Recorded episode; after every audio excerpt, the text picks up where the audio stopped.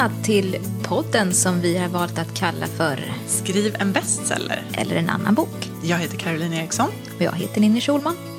Idag eh, ska vi börja med att berätta kanske att vi har en eh, liten tävling. Mm. Mm. Så vi, eh, häng med oss om ni vill, vill vinna.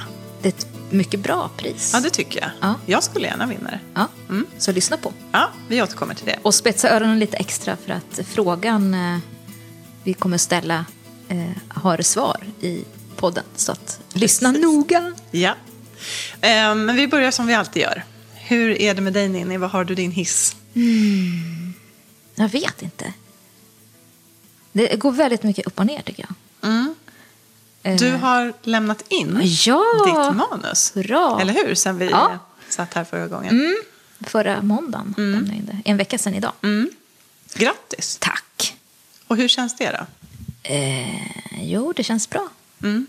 Och ändå är det lite, hissen är lite i svajning. Vad Ja, jo, men det, jag vet inte, men det, på något sätt så, när jag lämnar in manus så får jag ofta någon sorts mani att jag ska hinna med så mycket innan jag får det tillbaka igen. Mm. Så att jag har varit igång här nu senaste veckan så jag är helt slut. Eh, Men eh, nej, så vet jag inte. Det är väl massa saker som går upp och ner och så. Mm. Men överlag så är det väl okej, tycker jag. Mm. Ändå.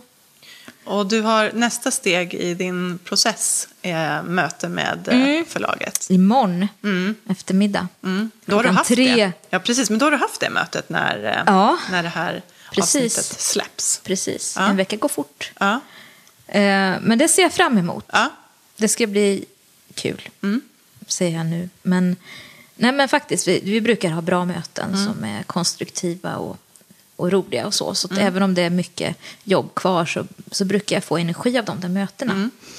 Och att man känner att man är igång på riktigt. Mm. Eh, det är ändå något, något råmanus ju, med Ja, början och en mitt och ett slut. Ja. Så det är en bit på väg i alla fall. ja. Det är något att bygga på. Det känns som att du har ju haft en sån bra process den här gången. Mm. Peppar, Ehm, peppar. Ja, Hittills precis. Ja, men Ja. hittills har det verkligen Ja. ja, känts som en harmonisk och stabil process. På ett sätt som kanske ingen av oss har haft förut. Nej, och då tänker jag så här, vi pratade ju, eh, satt och försnackade lite grann här. Mm. Om vad det är som du har gjort rätt den här gången. Kan du liksom summera det för lyssnarna? Nej, men jag tror att jag har varit lite snällare mot mig själv. Jag smög igång mitt jobb med ganska få tecken per dag. Det tror jag är en, en sån grej. Och sen så att jag... Men, men det handlar väldigt mycket om att jag trygg. Jag känner mig trygg med, med de jag jobbar med på förlaget. Att jag vet att de vet vad jag kan. Därför så kan jag lämna in ett råmanus som inte är jätte genomarbetat. Om det var så att jag skulle skicka in det här som debutant till något ställe, då skulle jag jobba mycket, mycket längre med det. Men jag, jag kommer att fortsätta jobba i flera månader till eh, och bearbeta och sen redigera. Så det, det är ju jättemycket tid kvar att jobba på. Och då, och då känner jag på något vis att jag behöver liksom inte vrida ur trasan helt nu, utan och jag har kunnat sålla liksom, när idéer har kommit upp. Att det här vill jag lägga till och det här vill jag ändra på. Och om man inte skulle göra si och om man inte kunde göra så. Så, så jag har lagt det åt sidan och tänkt att, att där tar jag nästa varv istället för att maxa nu. Eh, så att jag, jag har liksom haft två nivåer på, på ändringsförslag eh, kan man säga. Och, och det har jag aldrig känt förut utan då har det varit som ett, en röra av allting. Det. Men, men det har jag faktiskt lärt mig. Och sen också att jag har känt att jag har hindrat mig innan jag har blivit så stressad och trött så att jag får migrän. Så jag lyckas ofta känna det innan och avbryta då. Och då har jag tjänat jättemycket tid på. annat, Göra någonting annat. samla energi, helt enkelt. Ja, Mm. och inte tänka att gud vad jag är lat och, och dålig utan faktiskt att gud vad jag är smart. Som gör det här istället för att sitta och elda upp mig själv. Ja. Eh, och så så att, ja, men man lär sig väl någonstans men det har tagit väldigt lång tid för mig att komma dit. Men det är väldigt inspirerande att se. Ja, men, men nu känns det kul. Liksom. Jag ser fram emot att få tillbaka mitt manus och, och jobba vidare. För jag, jag tycker om det väldigt mycket. Ja. jag, det känns som att jag vill verkligen jobba nu igen. Mm. Du då? Du har varit på Mallis. Ja, precis. Jag har varit på Mallorca eh, på en, eh, ja, vad ska jag säga, kan nog kalla det för en researchresa. Ja. Eh, research och eh, kick-off-resa för eh, vad som förhoppningsvis blir nästa projekt för min del. Eh, och det har varit, eh, så jag har ju varit ensam. Ehm, och det har varit eh, väldigt bra dagar. Det har fått så otroligt mycket inspiration och tankar. Både om miljöer men också om intrig och personer och så. Eh, Så jag har inte skrivit, alltså jag har inte, eh, jag har inte skrivit text. Nej. Men jag har däremot antecknat otroligt, otroligt mycket. Eh, och jag har tagit eh, fantastiskt mycket bilder också. Eh, så eh, jag, har liksom har haft dagar där jag har haft väldigt mycket eh, glädje och lust i mig. Liksom längtan efter att komma igång med det här. Så det, det känns som en bra början. Så är ju liksom utmaningen att hålla, hålla kvar i den känslan nu då, i, i vardagen. Så nu nästa steg för mig blir att försöka samla ihop eh, tankarna och eh, eh, få ner ett ganska ordentligt synopsis. Mm, det är jag så du tänker. Ja, Ja. jag tänker att jag ska planera, jag, ja, ganska ordentlig planering. Vad, jag har, vad det finns för frågor och möjliga liksom, logiska luckor i den här berättelsen. För det finns ju alltid det någonstans och sådär. Eh, och att jag ska försöka göra så mycket jag kan för att komma på dem innan jag sätter igång Ja. och skriva. Ja. Eh, så att jag har ett grundarbete som är ganska gediget. Så. Ja. Ska du gå ner på så här kapitelnivå, scennivå eller är det mer så övergripande akter? Eller? Ja, jag tänker nog i första hand liksom som lite i akt. Akt Mm. 1, 2, 3. Ehm, Men i vissa fall så kan det säkert vara, eftersom vissa saker som jag har i mig nu efter de här dagarna på, på Mallorca, Mm. de är ju väldigt detaljerade. Och då, då får det bli på detaljnivå där det finns Ja, liksom, ja. tankar. Men kanske inte att man tvingar fram det, utan framför allt att eh, få en övergripande eh, synopsis på plats. Alltså det ska inte kännas, ja så att det känns kul helt enkelt. Jag vill inte veta allt. Mm. Nej. Det ska vara lite, lite kvar att upptäcka medan man skriver. Men, eh, du någonting ska veta vart du ska. Mm. Ja, precis. Så det, det är liksom mitt nästa steg nu då. Mm. Vad Spännande. Ja, det hoppas jag. Eh, Det var ju bokmässa i helgen också. Mm, precis, vi hade, man såg ju det. Ja, man såg ju det. Det var många som var där. Ja, ja. Va, hur tyckte du att det kändes att inte vara där i år? Eh, Jag tyckte att det var jätteskönt. Ja. Nästan så här oroväckande eh, känsla. Oroväckande skönt. Ja, hela, absolut hela mitt Instagramflöde var fullt av bokmässa. Eh, säger en del om vilka jag följer på Instagram också i och för sig. Men det var så mycket bilder. Och, och jag trodde, förut de år jag inte har åkt, då har jag känt en längtan dit. Och, och man känner att man missar mycket. Men jag måste säga att jag, jag fick, jag fick eh, ångest när jag såg på riktigt. Du skrattar du. inte ångest då för att vara hemma, utan Nej, ångest för att... För jag såg bilderna, där. jag Ja. såg bilderna och så såg jag de här, särskilt de här ovanifrån bilderna när man ser ett hav av människor, de här montrarna och jag hörde det här ljudet här. Det är väldigt Åh, speciellt, Åh ja. gud, och jag, jag, jag känner nu, jag får så här hjärtklappning. Ja. Jag, jag, jag vill, tror jag, gärna åka någon gång igen. Men det var en sån fysisk Mm. eh, känsla av obehag när jag såg bilderna. Så att jag har inte följt så mycket. Om det är någon som saknar gilla, mitt gilla eh, så, respons så är det därför jag har scrollat förbi ganska mycket. Du, hur känner du? Jo, nej, men jag, har, jag ehm, började ju se det här. Eh, jag har inte, eftersom jag har varit bortrest och, och så, det är lite som det är med wifi när man är utomlands. Det är inte så att man har samma tillgång till, till nätet som man har här hemma. Så jag har ju varit liksom av och till så. Men i fredags så bestämde jag mig faktiskt för att stänga ner. Så sen i fredags har inte jag eh, eh, inte sett något? följt något flöde överhuvudtaget på Instagram. Nej. Och eh, lite grann bara för att det kändes som att det blev, det, det blev sån kontrast tror jag också till den, eh, till den värld som jag befann mig i. Ja. Och jag behövde få vara i den bubblan. Ja, Eh, och, eh, nej, men för det är ju, jag känner att det är liksom kluvet med Bokmässan. Det är en fantastisk eh, eh, plats att vara på. Och speciellt, jag menar, jag har ju ändå en bok som är, är hyfsat aktuell. Ja, Liksom, så att ja. det, hade ju känts, det hade inte känts konstigt att åka dit. Nej, om nej, jag säger nej. så. Eh, och samtidigt så, så är det ju precis som, som du är inne på, det är, det är lite speciellt på, på gott och ont. Liksom. Mm. Det, är inte bara, eh, det är inte bara roligt. Eh, men det, ja, det är kluv, kluvna Mm. känslor. Så. Mm. Eh, och sen var det ju också lite speciellt i år med tanke på allt var det. annat runt omkring som inte hade med böcker att göra. Precis. Som gjorde att det kanske kändes eh, extra skönt Ja. att kanske inte vara där just i år. Precis, Ja. precis. Men vi kanske får träffa er där någon annan gång. Ja, det hoppas vi.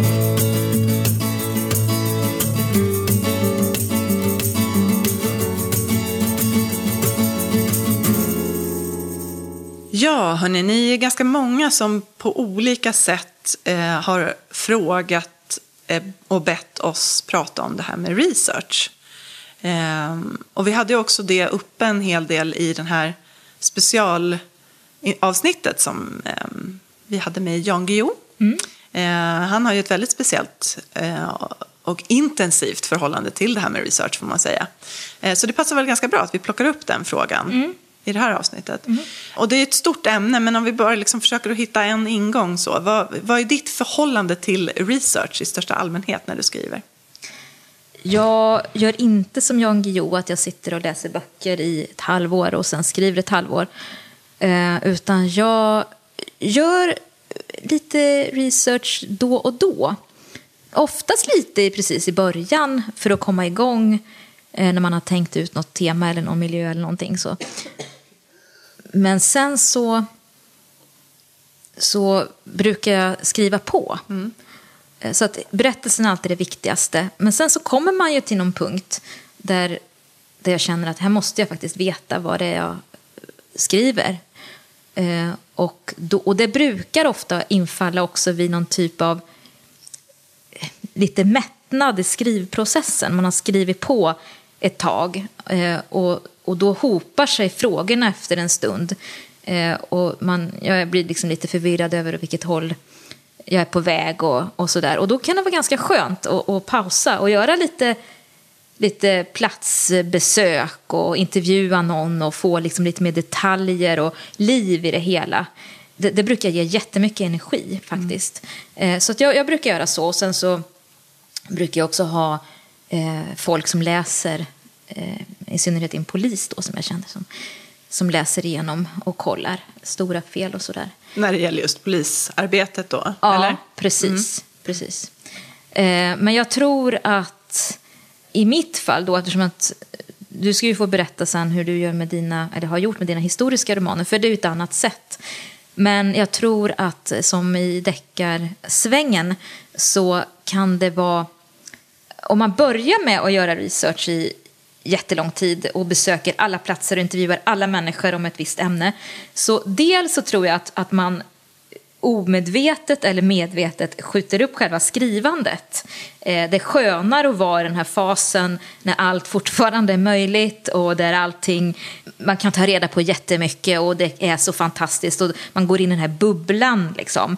Och sen när man ska skriva så är det också lätt att man, att man vill berätta allting som man har lärt sig under den här bubbelperioden. Ja. Eh, Så att jag tror att, att boken blir bättre om man börjar med, med berättelsen först.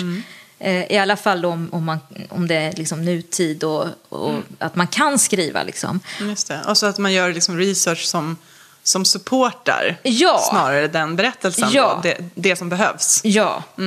Och sen ska man också tänka på att, att det, det har ju en det har betydelse för i vilket perspektiv man, man ser en viss miljö i. Till exempel om man är på ett sjukhus, om, om huvudpersonen är läkare eller om huvudpersonen är patient eller om huvudpersonen är en anhörig eller en städerska eller vem det nu är, så behöver man ju veta olika saker. Verkligen. För att de har ju olika språk, olika sätt att tänka på. Så att om, man, om en, en person eller huvudpersonen är patient så behöver man ju inte veta allting om själva vårdprocessen. Men om huvudpersonen är läkare måste man veta jättemycket om den jargongen också som, som man pratar i. Mm, åtminstone om, om historien utspelar sig på Ja, den här platsen. För precis. det kan ju vara så att man är läkare men historien utspelar Ja, sig... det- och då behöver man så- inte göra det. Men, men det kan, jag tror att det är ett ganska Ja. lätt sätt att fly från Ja. skrivandet. Ja. Att tänka att oj, jag ska skriva om en läkare, nu måste jag veta allt Mm. om, om det yrket. Men det kanske man inte måste. Utan börja skriva och så Mm. märker ni vad ni måste lägga till vartefter. Precis, och ofta så kan man faktiskt gissa. Ja, Börja med att gissa. börja med att gissa. Ofta så stämmer det. Ja. Eh, och gör det inte det så kan man kolla det i efterhand. Ja. Tycker jag också. Att det Ja, är liksom... absolut. Hellre det tycker jag. Ja. Och sen en annan grej Ja. innan du ska få komma Ja. in med ditt här. Det är att eh, det är väldigt lätt att vilja för mycket när det gäller dialog i olika yrkesgrupper. Eh, om man ska skriva som poliser pratar till exempel. Och att man är nervös som författare att poliserna ska skratta åt en för att så där pratar vi faktiskt inte, så där säger vi inte. Men vi skriver för våra läsare. Eh, Och det blir, jag tycker det blir fånigt och, och man får en distans till berättelsen om man inte förstår vad personerna säger. Bara för att författaren vill visa att ja, men jag vet minsann hur man pratar i kriminella kretsar fast att eh, läsaren förstår inte ett skit. Nej. Då är det värdelöst. Då man får vara lite, lite effektiv där. Mm. Att man kan ta några ord som är lite så här kriminell slang. Ja, och sen så får man faktiskt eh, skriva ut, för att annars så faller ju allting. Det är samma med dialekter och sådär också. Mm, Ja. Att, att eh, vara lite försiktig. Det, det får vara en balans där. Mm. Och, och det är ju så att alla yrkesgrupper har ju sin yrkesjargong. Och jag tycker alltid att det låter jättetöntigt när jag ser eh, tidningsvärlden på tv, någon, någon film, så, där, för då, så pratar man ju inte. Men, men det är ju vi bara som jobbar i, eller har jobbat i den världen som vet det. Precis. Det spelar inte så stor roll. Nej. Så strunta i vad de här sjuksyrrorna ska tänka om era böcker eller vad det nu kan vara. Utan skriv på och så låter ni någon läsa och så lägger ni till någon liten detalj det. som får det att låta som att ni kan det här. Ja. Det räcker oftast. Ja. Stöt inte bort läsarna. Nej, och det tyckte jag var jättebra som du sa där. Att det är återigen liksom berättelsen först och läsarna först. Eh, det är för dem man skriver. Mm. Och som sagt, då, det, det, det tycker jag rimmar med det här att man, man gör en del research innan Mm. och sen kan man göra annan typ av research då. Om man då skulle skriva en, för att spinna vidare på din tråd där, Ja. en berättelse i sjukhusmiljö så kanske man inte behöver intervjua läkare eller sjuksköterskor eller vad det nu är för någonting i första vändan. Nej. Eh, eller man kanske bara behöver göra någon enstaka intervju eller man kollar upp någon, några detaljer. Ja. Och sen så kanske man skriver sin berättelse och sen så låter man då någon eh, medicinsk kunnig eller personal på ett sjukhus eh, läsa igenom det här och så frågar man är det någonting du studsar på? Ja, Som, precis. eh, som inte känns trovärdigt Ja. eller så. Så att man kan ju göra det där på lite olika sätt. Ja, Ja. men att, att det blir en lagom nivå. Ja, precis. Men, men eh, var inte, jag tycker, var inte rädda för, för vad, vad yrkesmänniskorna ska tycka om dialogen och sånt där. Nej. Utan eh, var, var på läsarnas sida där. Ja, just det. Ja, det kommer ju folk alltid kunna ha synpunkter på i Ja, alla gud fall. ja. Att, eh, Gud ja. Det, det, är ju, det hör ju till liksom. Ja. Mm. Men det, det sån- Men just med språket tänkte jag bara på, det är ju också en, apropå om jag då tar mina historiska Mm, böcker som ett exempel där. Djävulen hjälpte mig och Inga gudar jämte mig, där jag gjorde väldigt mycket research. Mm. Därför att de utspelar sig i en, i en tid som för mig var liksom helt eh, ja, främmande. Ja. Och då var jag tvungen att göra mycket research. Men då är det ju också så att när man, det jag bland annat gjorde var ju att jag eh, eh, gick till Riks, eh, Riksarkivet och beställde ut en massa gamla protokoll och brev och rättegångshandlingar och, och såna här saker. Eh, och då får man ju en känsla bland annat för språket. Och hade jag skrivit Eh, hade de fått prata så som de faktiskt pratade, alltså som man kan se utdrag ur de här rättegångsprotokollen, då hade ju inte någon förstått. Nej. Därför att eh, vi varken skriver eller, eller talar Precis. språket på det sättet längre. Eh, så Hur det, tänkte du då? då? Ja, men då tänker jag så här, ja, då, måste jag ju, då kan jag inte skriva så, Mm. men jag kan heller inte skriva i en vardaglig dialog som, som jag skulle göra i en samtida roman. Nej. För att jag, vad jag vill, det är ju återigen med läsaren som liksom i fokus Mm. någonstans, Eh, lyfta läsaren till den här tiden. Och hur gör jag det? Ja, det gör jag genom att använda ett språk som är ålderdomligt. Eh, men inte för tungt. Eh, och inte, ja ålderdomligt, det ska upplevas som ålderdomligt. Ja. Jag kanske använder andra ord än vad jag skulle ha gjort eh, i en nutida text. Ja. Liksom. Ofta räcker det som lite sådana markörer. Så att, och, och det är klart, det hade man ju kunnat kanske jobba med ännu mer och möjligen lättat upp det språket ännu mer. Men jag, men jag tyckte liksom att det var viktigt att få känslan av, här förstår vi på olika sätt, både med miljöbeskrivningar men också med hur de här människorna uttrycker sig och pratar, att vi är i en svunnen tid. Liksom. Ja. Så. Det är en sån här viktig grej som, som också är att det spelar egentligen ingen roll hur det var. Det viktiga är vad jag vill förmedla för känsla till läsarna. Mm, precis. Ehm, så. Men du läste otroligt mycket böcker då förstår Ja, jag. det gjorde jag också då. Då var jag ju...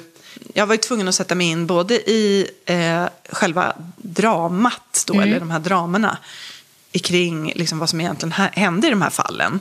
Eh, så då läste jag ju mycket om det. Och sen dessutom så läste jag ju mycket om den här tiden då, eh, 1800-talet.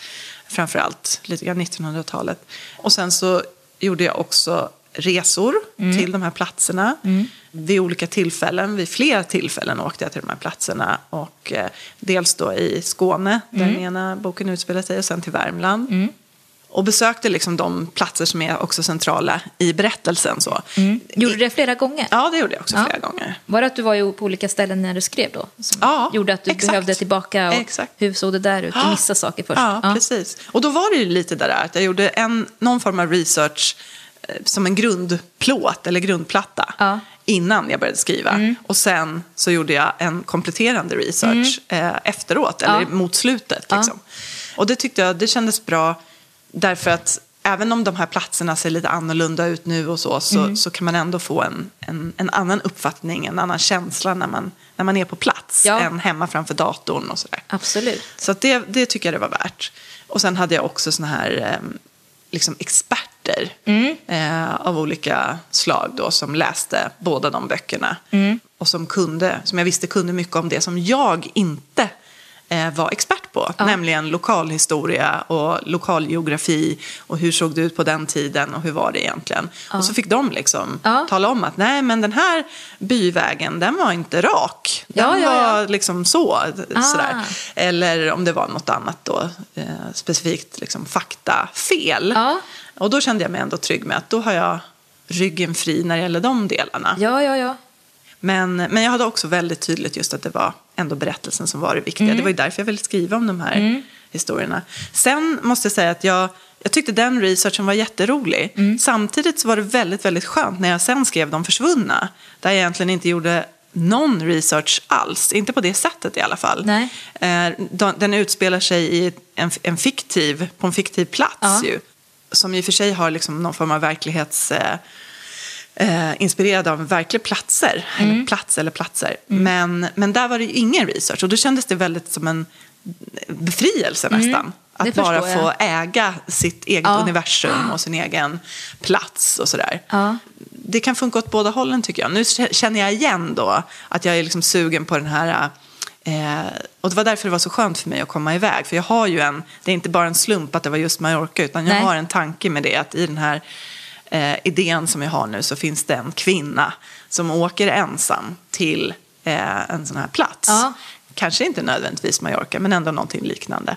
Och då eh, är det så härligt liksom att få inspiration från miljöer som faktiskt finns på riktigt. Att, att åka dit och liksom uppleva, eh, hur låter det här? Hur luktar det här? Vad är det för ljud? Eh, hur, hur varmt är det? Eh, att liksom ha, ha försatt sig själv Ja. i den världen och också hur det ser ut. Ja.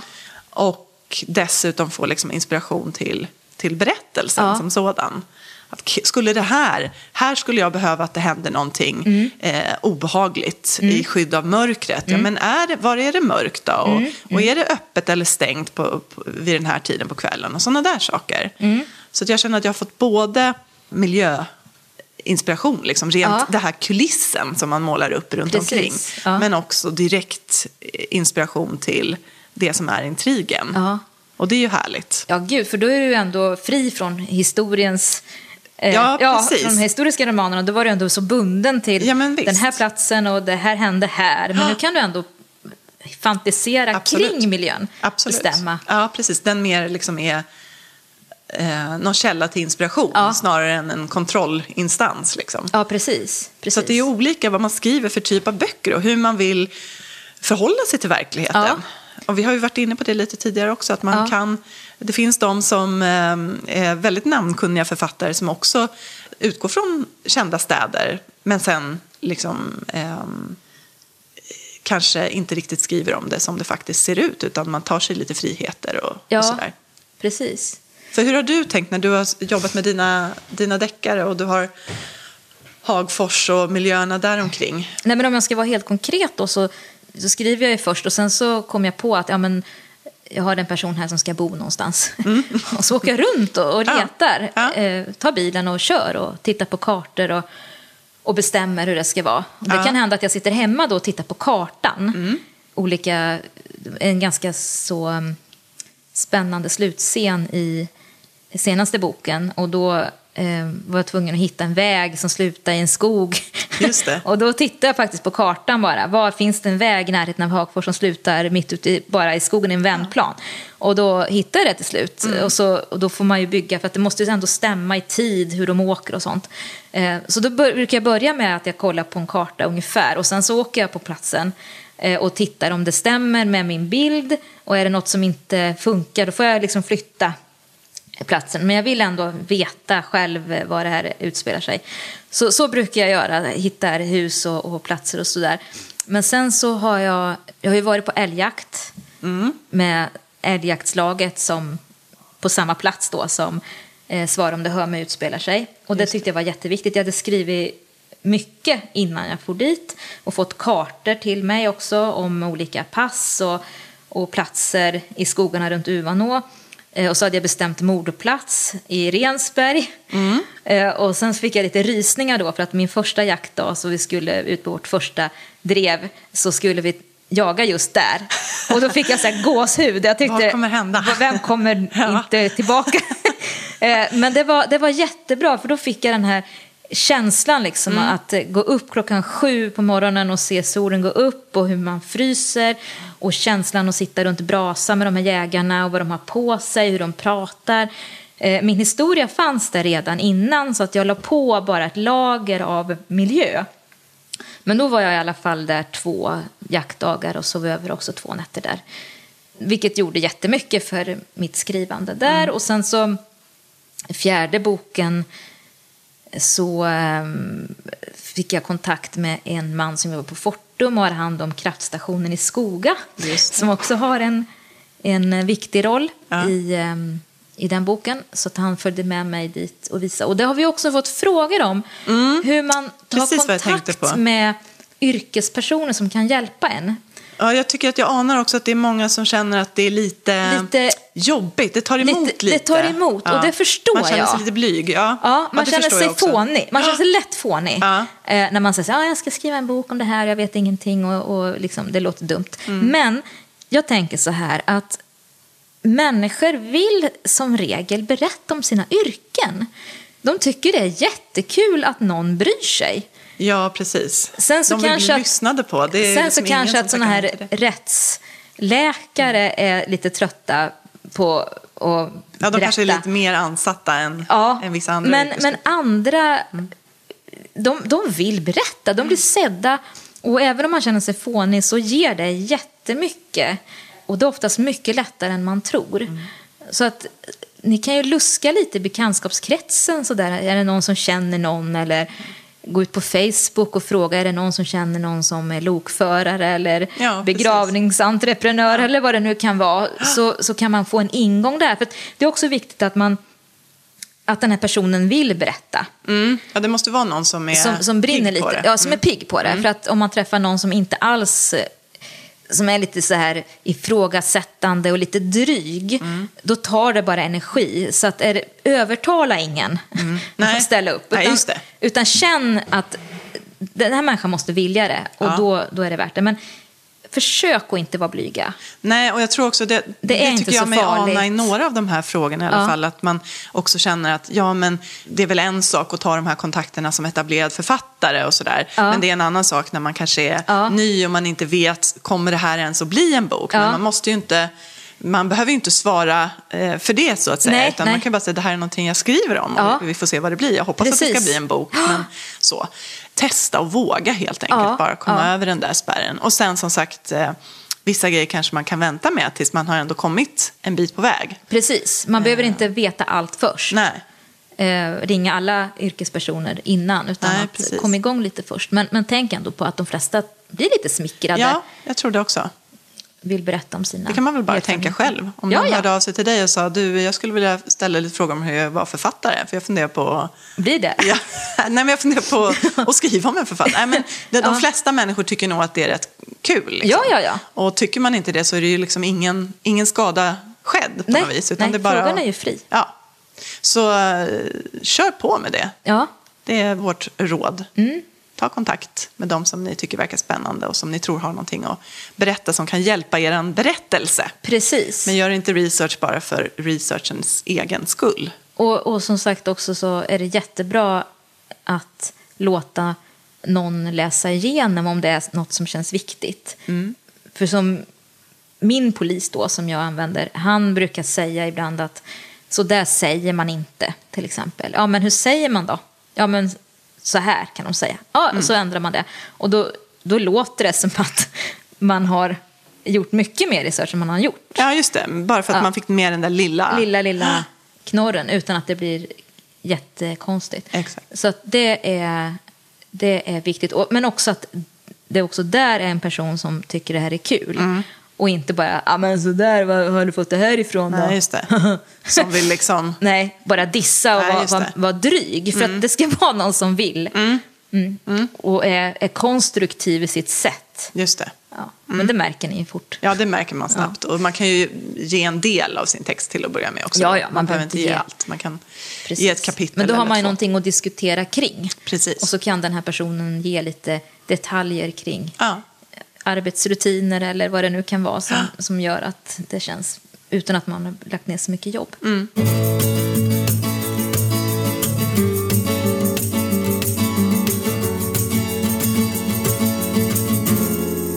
Just det, vi, hade ju, eh, vi flaggade ju lite för en tävling i början av eh, programmet. Eh, Och det är dags för den nu. Det man kan vinna är ett presentkort på 500 kronor hos Mathem. Mathem pratade vi lite grann om i eh, förra avsnittet också. Eh, avsnittet med Jan Guillou. Jag och min familj använder ju Mathem sedan eh, några år tillbaka och tycker det funkar jättebra. Vi beställer då, eh, gör storhandlar på nätet och så får vi då den, den maten hem. Jag tänkte bara jag ska nämna eh, några grejer som jag inte pratade så mycket om, om förra avsnittet. Och någonstans i det här så kommer det att finnas information som ni sen som vill vara med och tävla eh, finns svaret på den frågan som ni ska få. Så att, eh, eh, lyssna noga nu. Det som är bra med Mathem då, det är att förutom att man kan gå in och beställa lite som man vill, vilka varor man vill, så kan man också få en färdig matkasse faktiskt. Det är bra. Det är jättebra. Och det finns inte bara en färdig matkasse, utan det finns flera olika alternativ. Till exempel finns det en eh, familjekasse eh, och så finns det en ekologisk kasse eh, och sådana saker. Eh, och apropå det här med ekologiskt så är det faktiskt också så att eh, 25 procent av Mathems hela omsättning är ekologisk. Så de har väldigt mycket varor av just eh, för den som gillar att handla ekologiskt. Och sen förutom de här färdiga matkassarna så är det också så att man kan faktiskt återanvända sina tidigare ordrar och liksom handla samma igen. Om man, för ofta handlar man ju väldigt mycket samma. Mm. Samma basvaror eller sådär. Eh, Och då behöver man liksom inte lägga in igen att ha tre liter mjölk och så, utan du kan ha det som en standardlista och så plockar du bara upp den igen. Och sen kan du göra tillägg eh, eller dra ifrån då, från den. Det är smart också. Det är också väldigt bra. Så att det finns många fördelar med det här. Och den fråga som vi nu ställer och som ni ska svara på om ni vill vara med och eh, tävla om det här presentkortet på 500 kronor hos Mathem, det är hur mycket av Mathems omsättning är ekologisk? Kan ni svaret på den frågan så går ni in på vår Facebook-sida där det kommer att ligga ett eh, sånt här specialinlägg med eh, just den här tävlingen. Lycka till! Vi har en sponsor till den här veckan och det är Löfbergs. Eh, jag är ju själv en stor kaffeälskare. Jag skulle inte kunna leva utan kaffe. När man tänker på Löfbergs så tänker jag i första hand på bryggkaffe, kaffepaket i affären. Men i Stockholm finns det också en kaffebar som är hur mysig som helst. Den ligger på Kungsgatan i kvarteret närmast eh, Stureplan. Väldigt centralt. Väldigt centralt. Mm. Och där är det otroligt mysigt, som sagt var. Förutom att kaffet är kanongott, som sagt. Det finns ju allt det här vanliga med, med bryggkaffe och latte och, och cappuccino och allting. Och också sån här specialpresskaffe i alla möjliga varianter. Så det är också så härligt att sitta där och skriva. För det är inte alla kaféer där man kan sitta och skriva, i alla fall inte jag.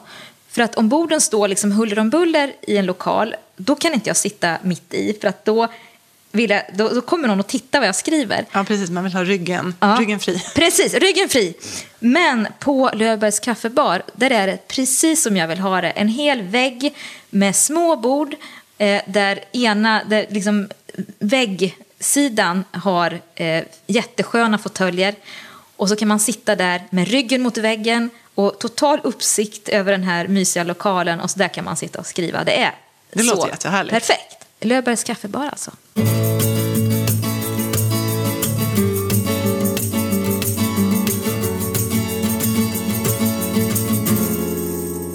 Ja, så har vi kommit fram till veckans läsarfråga. Sandra Lund undrar lite grann över bikaraktärer. Hon undrar hur de ska framhäva huvudkaraktären och hur det går till när vi tilldelar dem olika egenskaper. Och det här tycker vi är en intressant fråga för att det här är ingenting vi har pratat så mycket om i förra säsongen. Vi pratade om väldigt mycket i förra säsongen men inte så mycket om bifigurer, mm. bikaraktärer. Men det är ju jätteviktigt. Verkligen. Ja, hur tänker du kring Ja, men jag tänker att hon ställer en fråga som, som på något vis är, hur hon formulerar frågan är, är väldigt bra. Ja. Att hur ska den framhäva huvudkaraktären? Ja, det är ja. precis det den ska göra ja. till att börja med. Eh, och ofta vill man då kanske ha eh, någon som visar på kontraster mm. och som, som kan göra att eh, handlingen, att, eh, liksom, att det uppstår någon form av konflikt eller så mm. i handlingen. Ju. Mm. För det måste det ju göra, det har vi mm. varit inne väldigt mycket på. Mm. Generellt så, så säg, med, med, risk för att låta lite som en trasig skiva, när, när vi har pratat om dramaturgi och, och karaktär och så överhuvudtaget så handlar det om syfte. Mm. Varför behöver den här personen vara med? Alla Eh, scener i en berättelse ska ha, ett, eh, ska ha ett syfte. Samma sak gäller för de personer som dyker upp. De ska inte bara dyka upp eh, för att det är lite kul att skriva om just den här eh, udda karaktären, utan det ska ju fylla en funktion, ha ett syfte. Så att jag tänker att eh, jag har ju ganska små persongallerier i alla fall i mina två senaste böcker. Mm. Ehm, men generellt sett så tror jag, även om man har större persongallerier, så blir det ju inte som i verkligheten. Man kan inte tänka sig att man ska skriva med verklighet som det faktiskt ser ut. För att då, då liksom möter man ju massor med människor och man kanske har en interaktion med en busschaufför som, som man, man, pratar några meningar och ja. det var ju lite spännande och roligt men, men det liksom har ingenting att göra med Om inte busschauffören har, har något med historien att göra Nej. så behöver han inte säga hej, Nej. morgon. Nej, och, och, man behöver inte ha den här lilla checka, även om det är väldigt rolig dialog som man kommer på att åh vad roligt det vore att ha den här i ett manus. Mm. Ja, men om den inte hör till berättelsen så, så ta bort den liksom, och då behöver inte busschauffören vara med heller. Utan att, att alla personer ska fylla sin funktion helt enkelt. Eh, även vad gäller bifigurerna. Ja, och också connecta till olika egenskaper i huvudpersonen. Mm. Jag tänker så här, om jag bara ska ge ett ganska färskt exempel. Ja. Eh, jag strök en syster ja. i mitt manus ja. eh, typ fyra dagar innan jag lämnade in det nu för en vecka sedan. Mm. En av mina huvudpersoner har, hade en syster. Men sen så kände jag så här att hon fyller ingen funktion. Hon är ganska lik kompisen. Eh, så jag bytte då ut lite scener så att det blev egentligen då kompisen som har de här scenerna också. Och det blir mycket renare. För att syster, hon behöver inte ha en syster. Det är helt, eh, helt överflödigt. Eh, och sen så har jag också tänkt mycket på till exempel Magdalena då.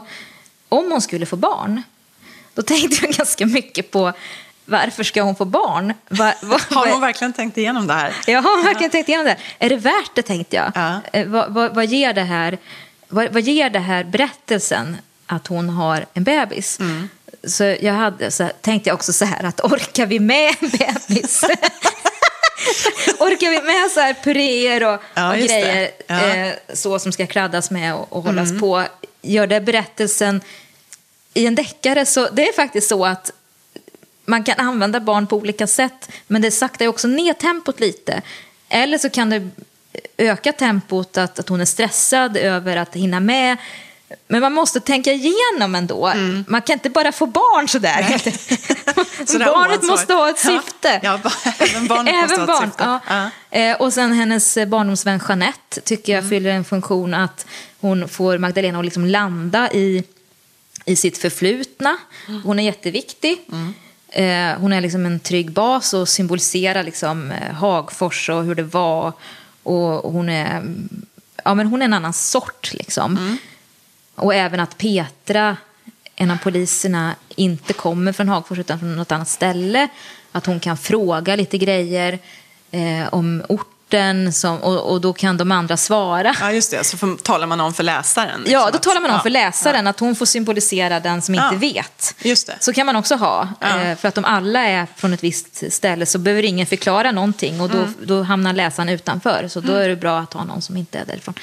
Och sen är jag också även där eh, strukit personer och tagit livet av dem lite hur som helst innan de ens kom in i manuset för att då, det blev för mycket. De tillförde ingenting. Eh, Ja, precis. Det, det är lätt att det blir för mycket tror jag. Ja, sen är det väl också att... Eh, jag tänker att man, det är inget fel att ha med personer i berättelsen, men man ska också tänka igenom hur man, vilka man, bara man ger dem ett namn till exempel, eh, så har man talat om för läsaren att jaha, det här är någon som är tillräckligt viktig för att jag ska lägga ett namn på minnet Ja. eller jag ska berätta någonting mer. Alltså, så fort man börjar ge läsaren information om en person Ja. så, så tror man som läsare att det här får jag veta för att den här personen kommer att, att höra till den här berättelsen på något Precis, vis. För det kan jag precis. tänka ibland, jag som har också lektörsläst tidigare ju Ja. en del, att, att man ofta, eh, det är lätt hänt att man vill rabbla upp eller liksom presentera, Mm. är det väl egentligen, eh, alla som kommer in i en berättelse.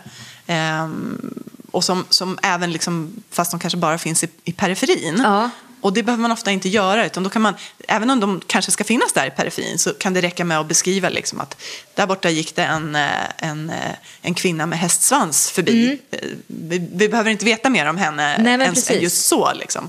Så att det handlar lite grann om att anpassa hur mycket information man ger utifrån Ja. hur viktig den här personen ska vara. Så det är inte det att man inte ska ha bifigurer eller att man, att man kan jobba med, med ett stort persongalleri. Men man ska fundera över hur mycket information behöver ja. man eh, ge om dem. Precis. Så tänker jag. Precis. Jag vet inte, det var någon som sa någonting om att om man ger en person i en berättelse ett lite ovanligt namn, eller både för och efternamn eller någonting, då signalerar man att den här personen är viktig. Men om, om den heter något jättevanligt så kanske att då passerar den lite, det är inget som läsaren lägger märke till. Nej. Och, och då, då kan det passera lite Ja. enklare sådär. Ja. Men jag tycker absolut. bifigurer är väldigt kul att jobba med. För att de, de, det är ju en sidekick till de andra. Mm. Ja. Och kan symbolisera olika saker. Verkligen.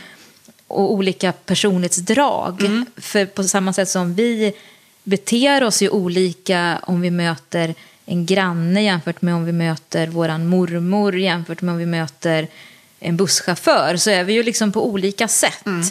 Och, och då kan man ju locka fram olika sidor hos Ja, en verkligen. karaktär och fördjupa den. Ja, men det, jag, jag går igång jättemycket Ja, nu. man får massa tankar när man Ja. väl börjar eh, Ja, dyka in i det. precis. Det är ju det här som är så kul med att skriva tycker Ja. jag. Och rollbesätta och fundera ut varför. Vad, vad, vad fyller den här funktion och vad är det för syfte? Och, och hur känner de varann? Vad har de för historia? Och Det är ju jättekul. Och man kan ju bara tänka på det här med att det faktiskt är viktigt med de här med birollerna. Man tänker på, tänker jag på Guldbaggegalan eller Oscarsgalan. Ja. Att det faktiskt finns priser också till Ja. bästa, Best supporting actress. Precis. Eller bästa biroll heter det väl, bästa kvinnliga biroll eller Ja. Mm. manliga biroll. Så. Och då kan man ju fundera på det när man skriver också. Hur ska det här göra för att få det här priset som, Mm. som bästa kvinnliga eller manliga biroll? Liksom? Den, Mm. måste, den måste tillföra någonting av eget värde Ja. samtidigt som dess främsta funktion är att liksom finnas där eh, och på något vis eh, eh, ja, Stödja, stödja framhäva. precis huvudpersonen. Ja. Mm. Så det kan man väl, så kan man se det, det är viktigt. Eh, och eh, sen ska man ha liksom klart för sig varför det är viktigt Ja. med just den här personen. ja, jag blir jätteinspirerad nu. Ja, Jag börjar faktiskt då att fundera på min nästa Hagforsdeckare. Ja. Jag, var ju- jag har varit ledig nu i en vecka. Ja. och så kommer det bubbla upp en massa saker. Så att jag, jag håller på just med de här bifigurerna Ja. och liksom rollbesättning och sånt där. Det är så otroligt roligt. ja, det är faktiskt det. Eh, fast det får ju läggas på is nu ett tag till. Men, men det är kul när det bubblar. Mm. Hem och fundera lite utifrån det här också. Mm, Ja. För de ska finnas med. Ja, precis. Ja. Men lycka till. Yes.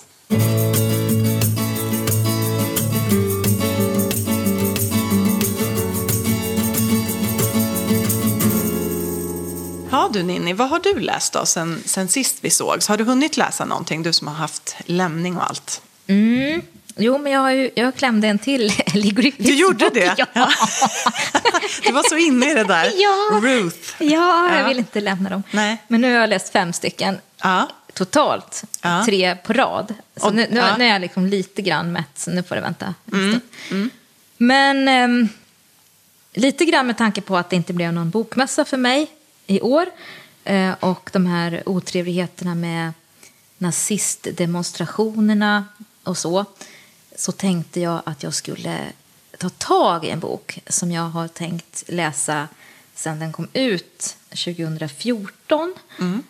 Och den har legat på mitt nattduksbord, inte sedan dess, men den har funnits där. Jag plockar den hit och jag plockar den dit och jag har tänkt att någon gång ska jag läsa den här boken. Men jag har dragit mig jättemycket för den och jag förstår varför jag har gjort det. Den heter De utvalda och är en, en tjock roman av Steve Sem Sandberg. Just det, nu, hur många sidor är den på? Den Den är... är 500 kanske. Ja. Nej, är den inte mer? Den ser väldigt Kanske tjock ut. se här. 550. Ja, okej. Mm. Eh, och eh, jag blev jättefascinerad när jag hörde om den här första gången. Jag tror att det var på Babel eller så var det på Kobra eller något liknande. Eh, de gjorde ett reportage där eh, författaren var utanför ett sjukhus i Wien eh, och berättade om den här boken. Då. Det handlar om ett, ett sjukhus under andra världskriget som, där de inte helt enkelt vårdar barn utan man tar livet av dem. För att de är inte värda att eh, tas om hand. Så man får följa dels en av de, ett av barnen då som heter Adrian och en av sjuksköterskorna som heter Anna. Den är, den är, helt, den är helt fruktansvärd. Alltså jag, jag kom med en tredjedel någonting och jag vet inte tusan, jag kanske inte ens orkar läsa klart den. Den är så tung liksom. Den är så vidrig. De väljer då ut barn som av fysiska eller psykiska orsaker inte anses passa in i, i det ariska. De får då vara på det här sjukhuset och när de blir sämre så låter de dem bara vara. De vårdar dem inte alls. Utan de bara Vänta på att de ska väntar dö. på att de ska dö. Ja. Och så får de då sprutor till slut när det har gått så långt så att de nästan är döda. Då, får, då dödas de liksom av en injektion. Det låter fruktansvärt och Ja, eh, det- skrämmande. Ja, Eh, men jag känner att det här är en väldigt. Mm, väldigt viktig bok Att, att läsa just i de här tiderna. Så att det är lite så här, ja, det är min plikt Mm, på något sätt. Men eh, man orkar inte så länge. Ja, nej, det, den, är, den är oerhört tung alltså. Eh, Men om ni orkar så tycker jag ändå att ni ska, ni ska ta tag i den. Mm. Och prata om den ja. och, tänk, och förstå att det här har hänt. Eh, och det är väldigt fascinerande också, man får ju följa då den här den här sköterskan då som först är väldigt tveksam till det här men, men hon lyder ju bara order och hon är inte politisk och hon, hon är duktig på sitt jobb liksom. Mm. Sen så lär hon sig på något sätt att stänga av. Mm. Sådär som, som um, man nog ska vara medveten om att det är väldigt lätt att ja. göra som människa. Ja. Man tror, det är så lätt att tro att det där står man över och det där skulle inte hända ja. mig. Eller så skulle jag, jag skulle fortsätta ifrågasätta eller jag skulle reagera. Men, Men det är inte tyvärr säkert. så trubbas vi människor av ja. mycket lättare än vad vi tror. Precis. Det är bra att vi är medvetna om det. Ja. Och så får man också följa några andra sjuksköterskor som också är, som, som har mer medkänsla mm. även under lång tid. Då. De tycker om de här barnen och försöker hjälpa dem. Och så det här systemet som är då att när de blir sämre så flyttas de till en annan avdelning och så de bara ligger där i sängar och binds fast. Ja, det är så hemskt. Det är så hemskt. Det är så hemskt. Men den mm. läser jag nu. Den är inte så mm. Nej, det var en tung. Mm. Men du, eh, det är lite intressant faktiskt för att eh, jag har också jag har läst eh, fyra böcker som förra gången eh, mm. och varav två är ganska tunna. Och jag ska inte prata så mycket om alla, jag tänkte jag kan säga vilka de är. Mm. Men jag, det är en som jag skulle vilja prata om och det är faktiskt eh, lite intressant för det är också lite på temat som du var inne på. Mm. Men eh, dels har jag läst då en, eh, en sån här psykologisk spänningsroman som mm. jag ju brukar försöka att göra. Och den heter Säg att du är min och är skriven av Elisabeth Norebäck som mm. är debutant. Ja. Sen har jag läst, och den var väldigt bra, eh, tycker, jag tycker att alla böcker som jag har läst den här gången har faktiskt varit väldigt bra. Mm, det är kul. roligt. Ja. Eh, sen har jag läst Kejsarna av Portugalien, ja. som ju var en av mina de här mm. eh, Skäms. skämsböckerna över att jag inte hade läst. Och så så tipsade du mig om, om att faktiskt välja den. Mm. Eh, och den var också fin tycker jag. Ja, men den är väl... Ja, den fanns också mycket och ja. den skulle man också kunna sitta och prata om mm. i, i, en bra stund. Och sen läste jag en bok som jag tyckte fantastiskt mycket om. Eh, Lotta Olsson, De dödas verkliga antal.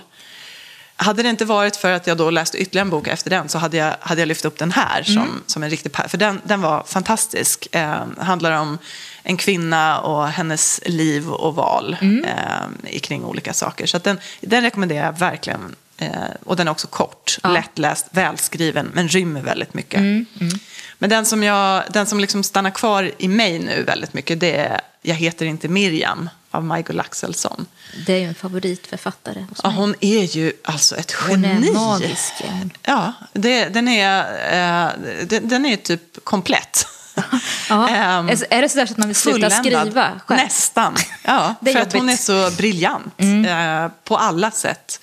Eh, och det är också en fruktansvärd historia eh, som i och för sig är en fiktiv historia men som ju utspelar sig mot bakgrund av, återigen då, nazismens mm. eh, fruktansvärda eh, brott. Och det här har inte vi gjort upp att vi skulle prata om det här. Det har vi det inte gjort Nej. upp. Det är Nej. väldigt intressant, ja. men jag tänker också med tanke på ja. Eh, bokmässan och det som hände där. Så att det, känns, det känns så oerhört, oerhört viktigt mm. att, eh, att inte glömma. Mm. Och att för varje generation som går så kommer vi längre och längre ifrån det här. Ehm, men att det är så väldigt, väldigt viktigt. Och just det här, den känsla som jag bär med mig väldigt mycket efter att jag har läst den här boken, det är just det här att hat föder hat och våld föder alltid mer våld. Mm. Det är mm. ganska självklart, men det, det sätter sig verkligen i mm. en att så är det. Mm. Ehm, vi kan inte lösa problemen med mer krig eller mer våld eller med, med uh, mer förtryck eller så. Alltså man kan relatera mycket av det ja. som står i den här boken också till det som pågår i världen idag ja. på olika sätt.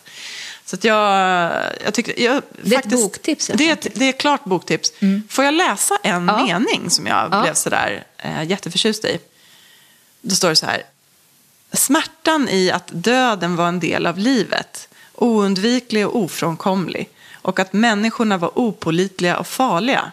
Att alla människor rymde risken att bli både förövare och offer. Men att alla inte förstod att det absolut var en grundläggande nödvändighet att hålla sin inre förövare i schack och att vägra sitt inre offer rätten att sjunka ner på knä. Jag tyckte det var ja. liksom ganska starkt. Framförallt det här nödvändigheten att hålla sin egen inre förövare ja. i schack. Ja. Att, jag, jag, tycker att det är så lätt att man tror att man, det skulle inte hända här, det skulle inte Precis. hända oss, det kan inte upprepas, eh, det måste varit någon som var sjuk som gjorde så här och så. Eh, det är så viktigt att se att vi, jag tror på det här väldigt mycket, att vi människor rymmer både ljus och mörker. Mm. Eh, och vi kan göra oss skyldiga till fruktansvärda saker, så vi måste Hålla hela tiden var schack. medvetna Ja. om detta. Ja. Ja, det blev inte så, så uppiggande Nej, det blev det inte. avslutning på det här, men, eh, men dock så viktigt. Men det var vårt bidrag till motdemonstrationen i Ja, Göteborg. precis. Det var våran, vårat strå till stacken där. Mm.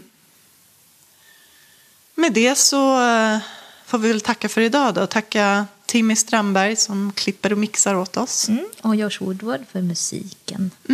Och fortsätt skriv till oss, det tycker Mm. Ja. vi om. Det är jätteroligt att höra från Önska er. ämnen och annat. Ja, och delta som sagt gärna i tävlingen om ett presentkort hos Mathem. Mm. Och så finns vi på Instagram också. Ja, precis. Jag heter Caroline Eriksson Reiter. Mm. Jag heter Ninni Schulman. Vi hörs annars om två veckor igen. Hörni. Ja, ha det så bra. Hej, hej!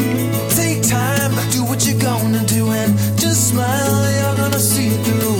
Your wings are gonna sprout and off the ground. No, no. Take time, do what you're gonna do. Just smile, you're gonna see it through. Your wings I'm gonna smile, and you.